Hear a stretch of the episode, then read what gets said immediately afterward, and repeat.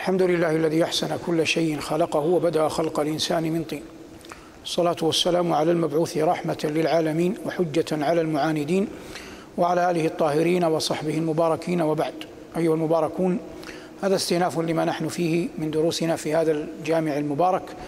ولقاء اليوم عنوانه اعدلوا هو أقرب للتقوى. وهذا جزء من آية كريمة في سورة المائدة. قال ربنا تبارك اسمه وجل ثناؤه فيها.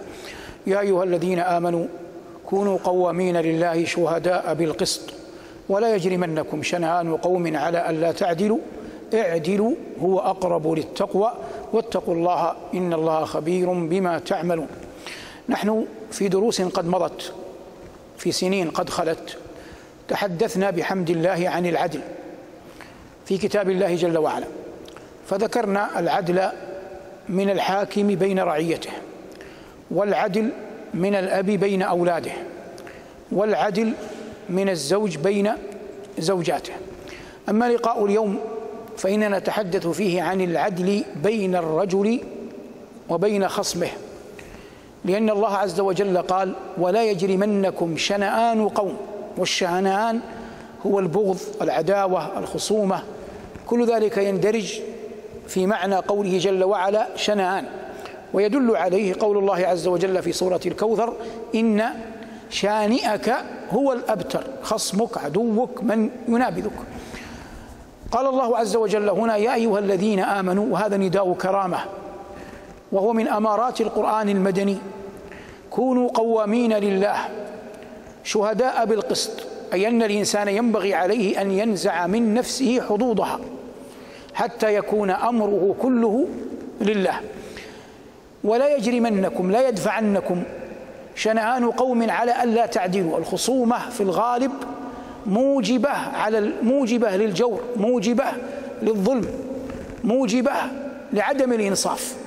فقال الله عز وجل ولا يجرمنكم شنآن قوم على ألا تعدلوا. اعدلوا هو أقرب للتقوى. أبو العباس السفاح أول خلفاء بني العباس وهو هاشمي من أم حارثية. ومات ولم يعمر. لم يصل الأربعين عندما توفي رحمه الله. كان إذا كانت هناك خصومة بين بطانته لا يقبل قول أحدهما في الآخر لا يقبل قول أحدهما في الآخر. ويقول إن العداوة تزيل العدالة. إن العداوة تزيل العدالة. وقد صدق رحمه الله. إلا في أنفس قليلة اصطفاها الله. وهنا قال ربنا عز وجل ولا يجرمنكم شنآن قوم على ألا تعدلوا اعدلوا هو أقرب للتقوى. وإنما يظهر نفاسة الحر ومعدنه وجلالة قدره وخشيته الحقة من ربه في تعامله مع غيره من خصومه وأعدائه. وأنه لا يقول فيهم ما يعلم في قلبه أنهم بريئون منه. وإذا نازع أحدا في أمر لم يجعل المنازعة تجنح إلى ما هو أعظم إلى ما هو أكبر ولا يقولهم ما لم يقولوا. يقول أحد الموفقين سابقا يعني في عصر بني العباس هم أيقظوا رقط الأفاعي ونبهوا. عقارب ليل نام عنها حواتها.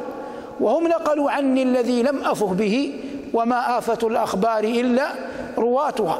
وما آفة الأخبار إلا إلا رواتها المقصود حاجة الناس إلى العدل مع الخصم حاجة ملحة. لكن كيف نورث هذا الناس في ثقافتهم؟ هذا لا بد فيه من طرائق. الطريقة الأولى أن يلجأ الناس إلى الثقافة الحقة. والثقافة الحقة تستمد من كتاب الله وسنة نبيه صلى الله عليه وسلم وما خلدته العرب في تاريخها. بل كل الطرائق مجتمعة في هذا. فنأتي للقرآن. والقرآن حاكم على كل أحد. فالله عز وجل ذكر أهل الكتاب اليهود والنصارى. فلما ذكر عداوتهم قال لتجدن أشد الناس عداوة للذين آمنوا اليهود. وقال جل وعلا في آل عمران ومن أهل الكتاب من إن تأمنه بقنطار يؤديه إليك. فالله عز وجل يخبر في آية أنهم أعداء لكن عداوتهم الدينية لا تعني أنهم لا يتعاملون معك بإنصاف في أمور الدنيا. فليس بعد كلام الله كلام. قال الله عز وجل ومن يعني بعضا منهم. ومن أهل الكتاب من إن تأمنه بقنطار. والقنطار ليس بالمال القليل بل يضرب به المبالغة في وفرة وكثرة المال. ومن أهل الكتاب من إن تأمنه بقنطار يؤديه إليك. ثم ذكر الله عز وجل فريقا منهم الدينار لا يؤديه إليك. لكن هذا من عدل القرآن. وقال الله عز وجل عنهم ليسوا سواء من أهل الكتاب أمة قائمة. كما أن فيهم من كتب الله أن يكونوا حطبا لجهنم فيهم من من الله عليه بالتقوى والإيمان. وهذا يعلمك كيف تكون عدلا منصفا إذا تعاملت مع مع الآخرين. ثم ننظر والسيرة كلها والسيرة كلها بالجر لأنها معطوفة على مجرور. أم سلمة رضي الله عنها وأرضاها. صحابية جليلة هاجرت من مكة إلى المدينة. لما هاجرت أول الأمر منعت عاما كاملا حيل بينها وبين زوجها. زوجها هاجر قبلها أبو سلمة. وهي رضي الله عنها وأرضاها منعها قومها. ثم رق حال قومها لها فأذنوا لها بالهجرة. بعد عام كامل فأخذت ولدها وكان قد مكث عند أخواله. فلما أرادت أن تخرج مكثت في أطراف مكة في التنعيم غالبا. ولم تجد أحدا يمكن أن يهاجر معها من محارمها. فمر عليها عثمان بن أبي طلحة وهو يومئذ مشرك يعبد الوثن. فسألها فأخبرته أنها تريد المدينة وهو على غير دينها وليس من بني قومها ليس من بني أسد ومن بني عبد الدار. فلما عرف حاجتها قال وهي تسمع ما لهذه مترك أي أن شهامتي مروءتي لا تساعدني على أن أترك امرأة تهاجر لوحدها وأنا لوحدها وأنا رجل أقدر أن أحميها. القائل هنا كافر مشرك. أنت الآن تعمل العمل ترجو جنة تخاش تخشى نارا هو لا يرجو جنة لا يؤمن أصلا ببعث ولا نشور. هي تعبد الله وهو يعبد الوثن. هي من بني من بني أسد. من بني مخزوم وهي وهو من بني عبد الدار. ومع ذلك أخذها وأناخ راحلتها فركبت. وكلما أراد أن يستريح ولا بد له أن يستريح أناخ بعيره نزلت ابتعد عنها. فإذا أراد أن يمضي قرب البعير ابتعد تركب المرأة يقود البعير حتى أوصلها إلى قباء وقال إن زوجك في هذه القرية. ورجعت. فقالت فما رأيت في العرب أكرم منه. تقصد شهامة ومروءة. الآن لو قدر لو قدر أن رجلا منا عالما حاكما أميرا تاجرا مسؤولا تعامل مع شخص غير مسلم فرأى منه بعض الأخلاق الحميدة فجاء ونشرها أو قال أو أخبر عنها لقال فيه خصومه ما تقوله العامة اليوم ما لم يقله مالك في الخمر. وأنا أقول مرارا لا أدري ماذا قال مالك في الخمر لكن هذا مثل يقوله الناس إلى الآن لم أفهم معناه. لكن المقصود لقال فيه خصومه ما لم يقله أحد. كل ذلك لأن هذا المتحدث المتكلم يجهل تاريخ أمته يجهل الكتاب يجهل السنة. فمدح الرجل ولو كان على غير دينك بما يستحقه هذا لا يضره. هذا طريقة القرآن. ومن أهل الكتاب من إن تأمنه بقنطار يؤدي إليك. ليس له علاقة بالولاء والبراء من قريب ولا ولا بعيد. فلا تجعل الولاء والبراء سيفا على رقاب الناس. إن لم يقولوا ما يعجبك شككت في ولائهم وبرائهم. فإذا كان هذا بين مسلمة وعابد وثن فما عسى أن يقال بين من ينتسبون اليوم إلى الإسلام. تفرق المسلمون أحزابا وشيعا وفرقا. وقلما تجد العدل بينهم في القول. كل أحد يقول في الفرقة الأخرى ما يعلم يقينا في قلبه أن تلك الفرقة براء من ذلك من بعض ذلك. قد يكون فيها ما فيها لكن لا يصل الحد إلى ذلك الأمر الذي تقوله أنت فيهم ولا يصل الحد إلى الذين يقو... الذي يقولونه هم فيك.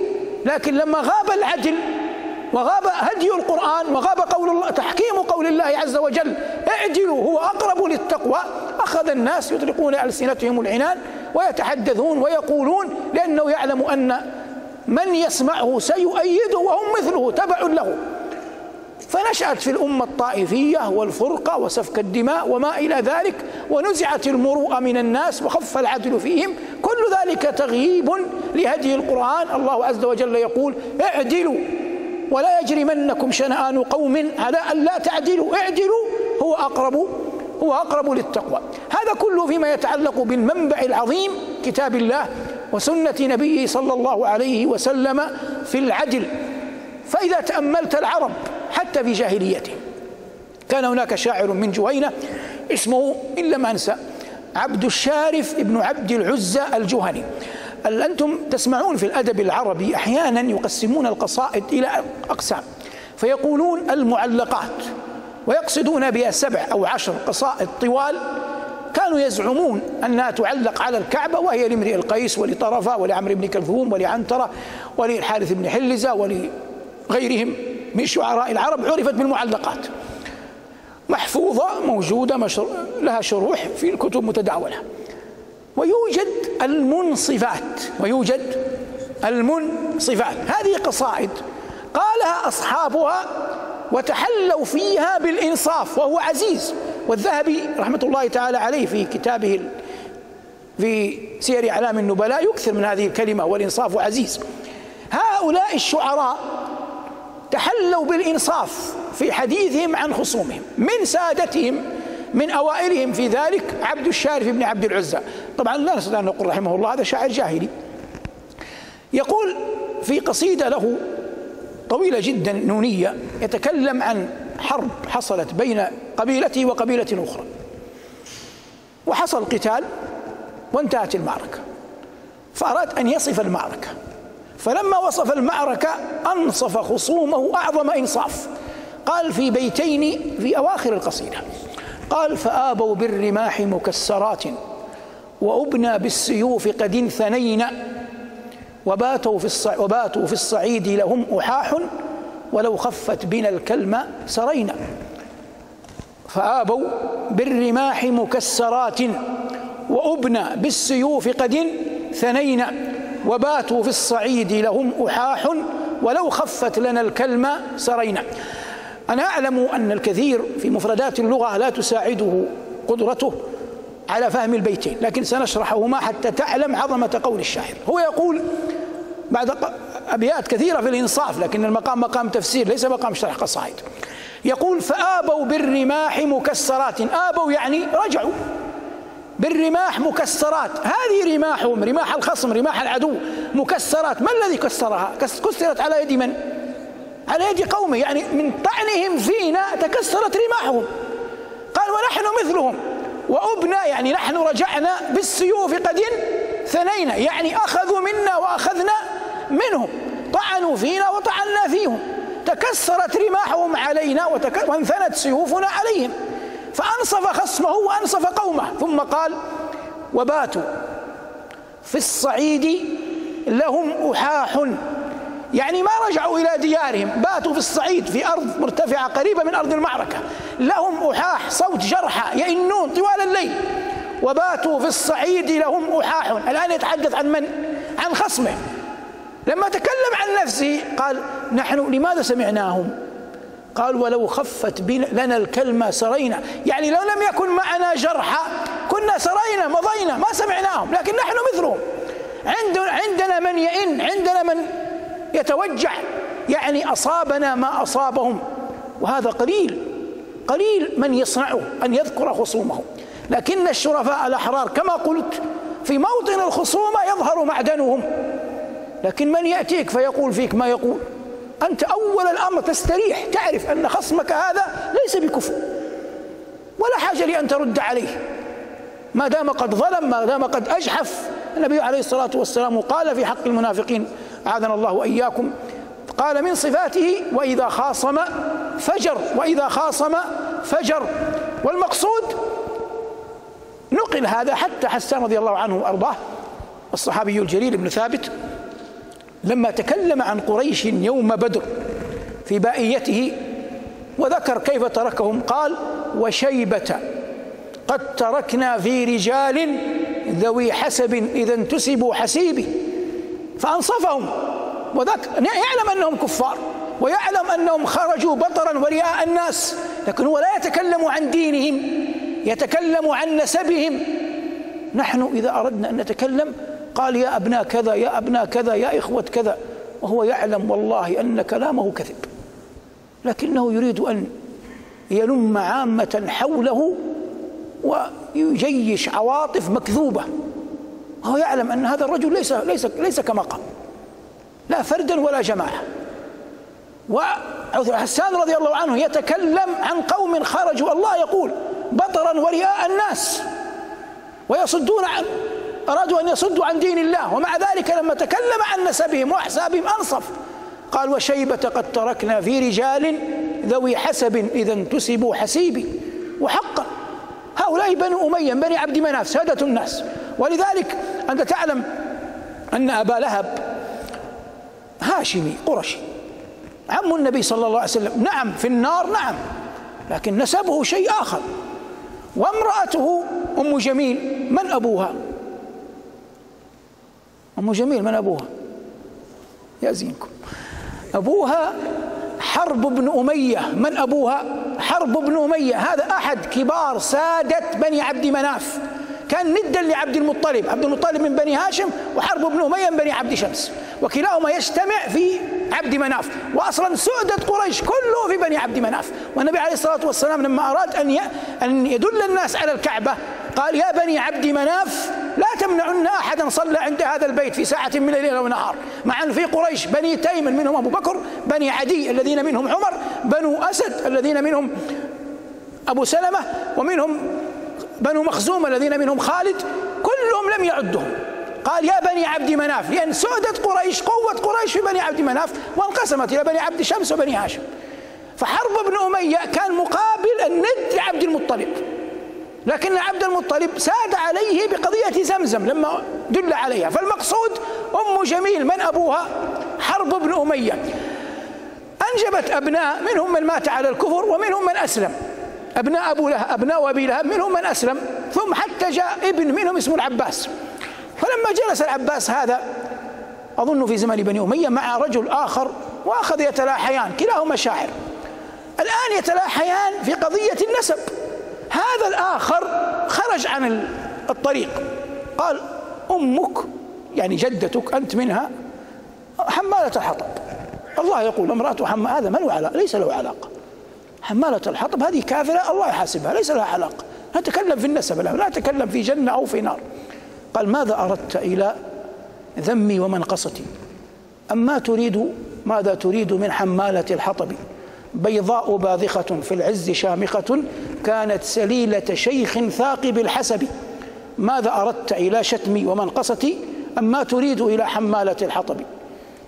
بيضاء شامخة في العز باذخة كانت سليلة شيخ ثاقب الحسب. الآن هو يتكلم مسلم يتكلم عن امرأة كافرة لكن هو لم يقل إنها في الجنة لم يقل إنها ذات دين يتكلم أنا أتكلم في النسب. فلا تستطيع أن تقول في نسبها شيء.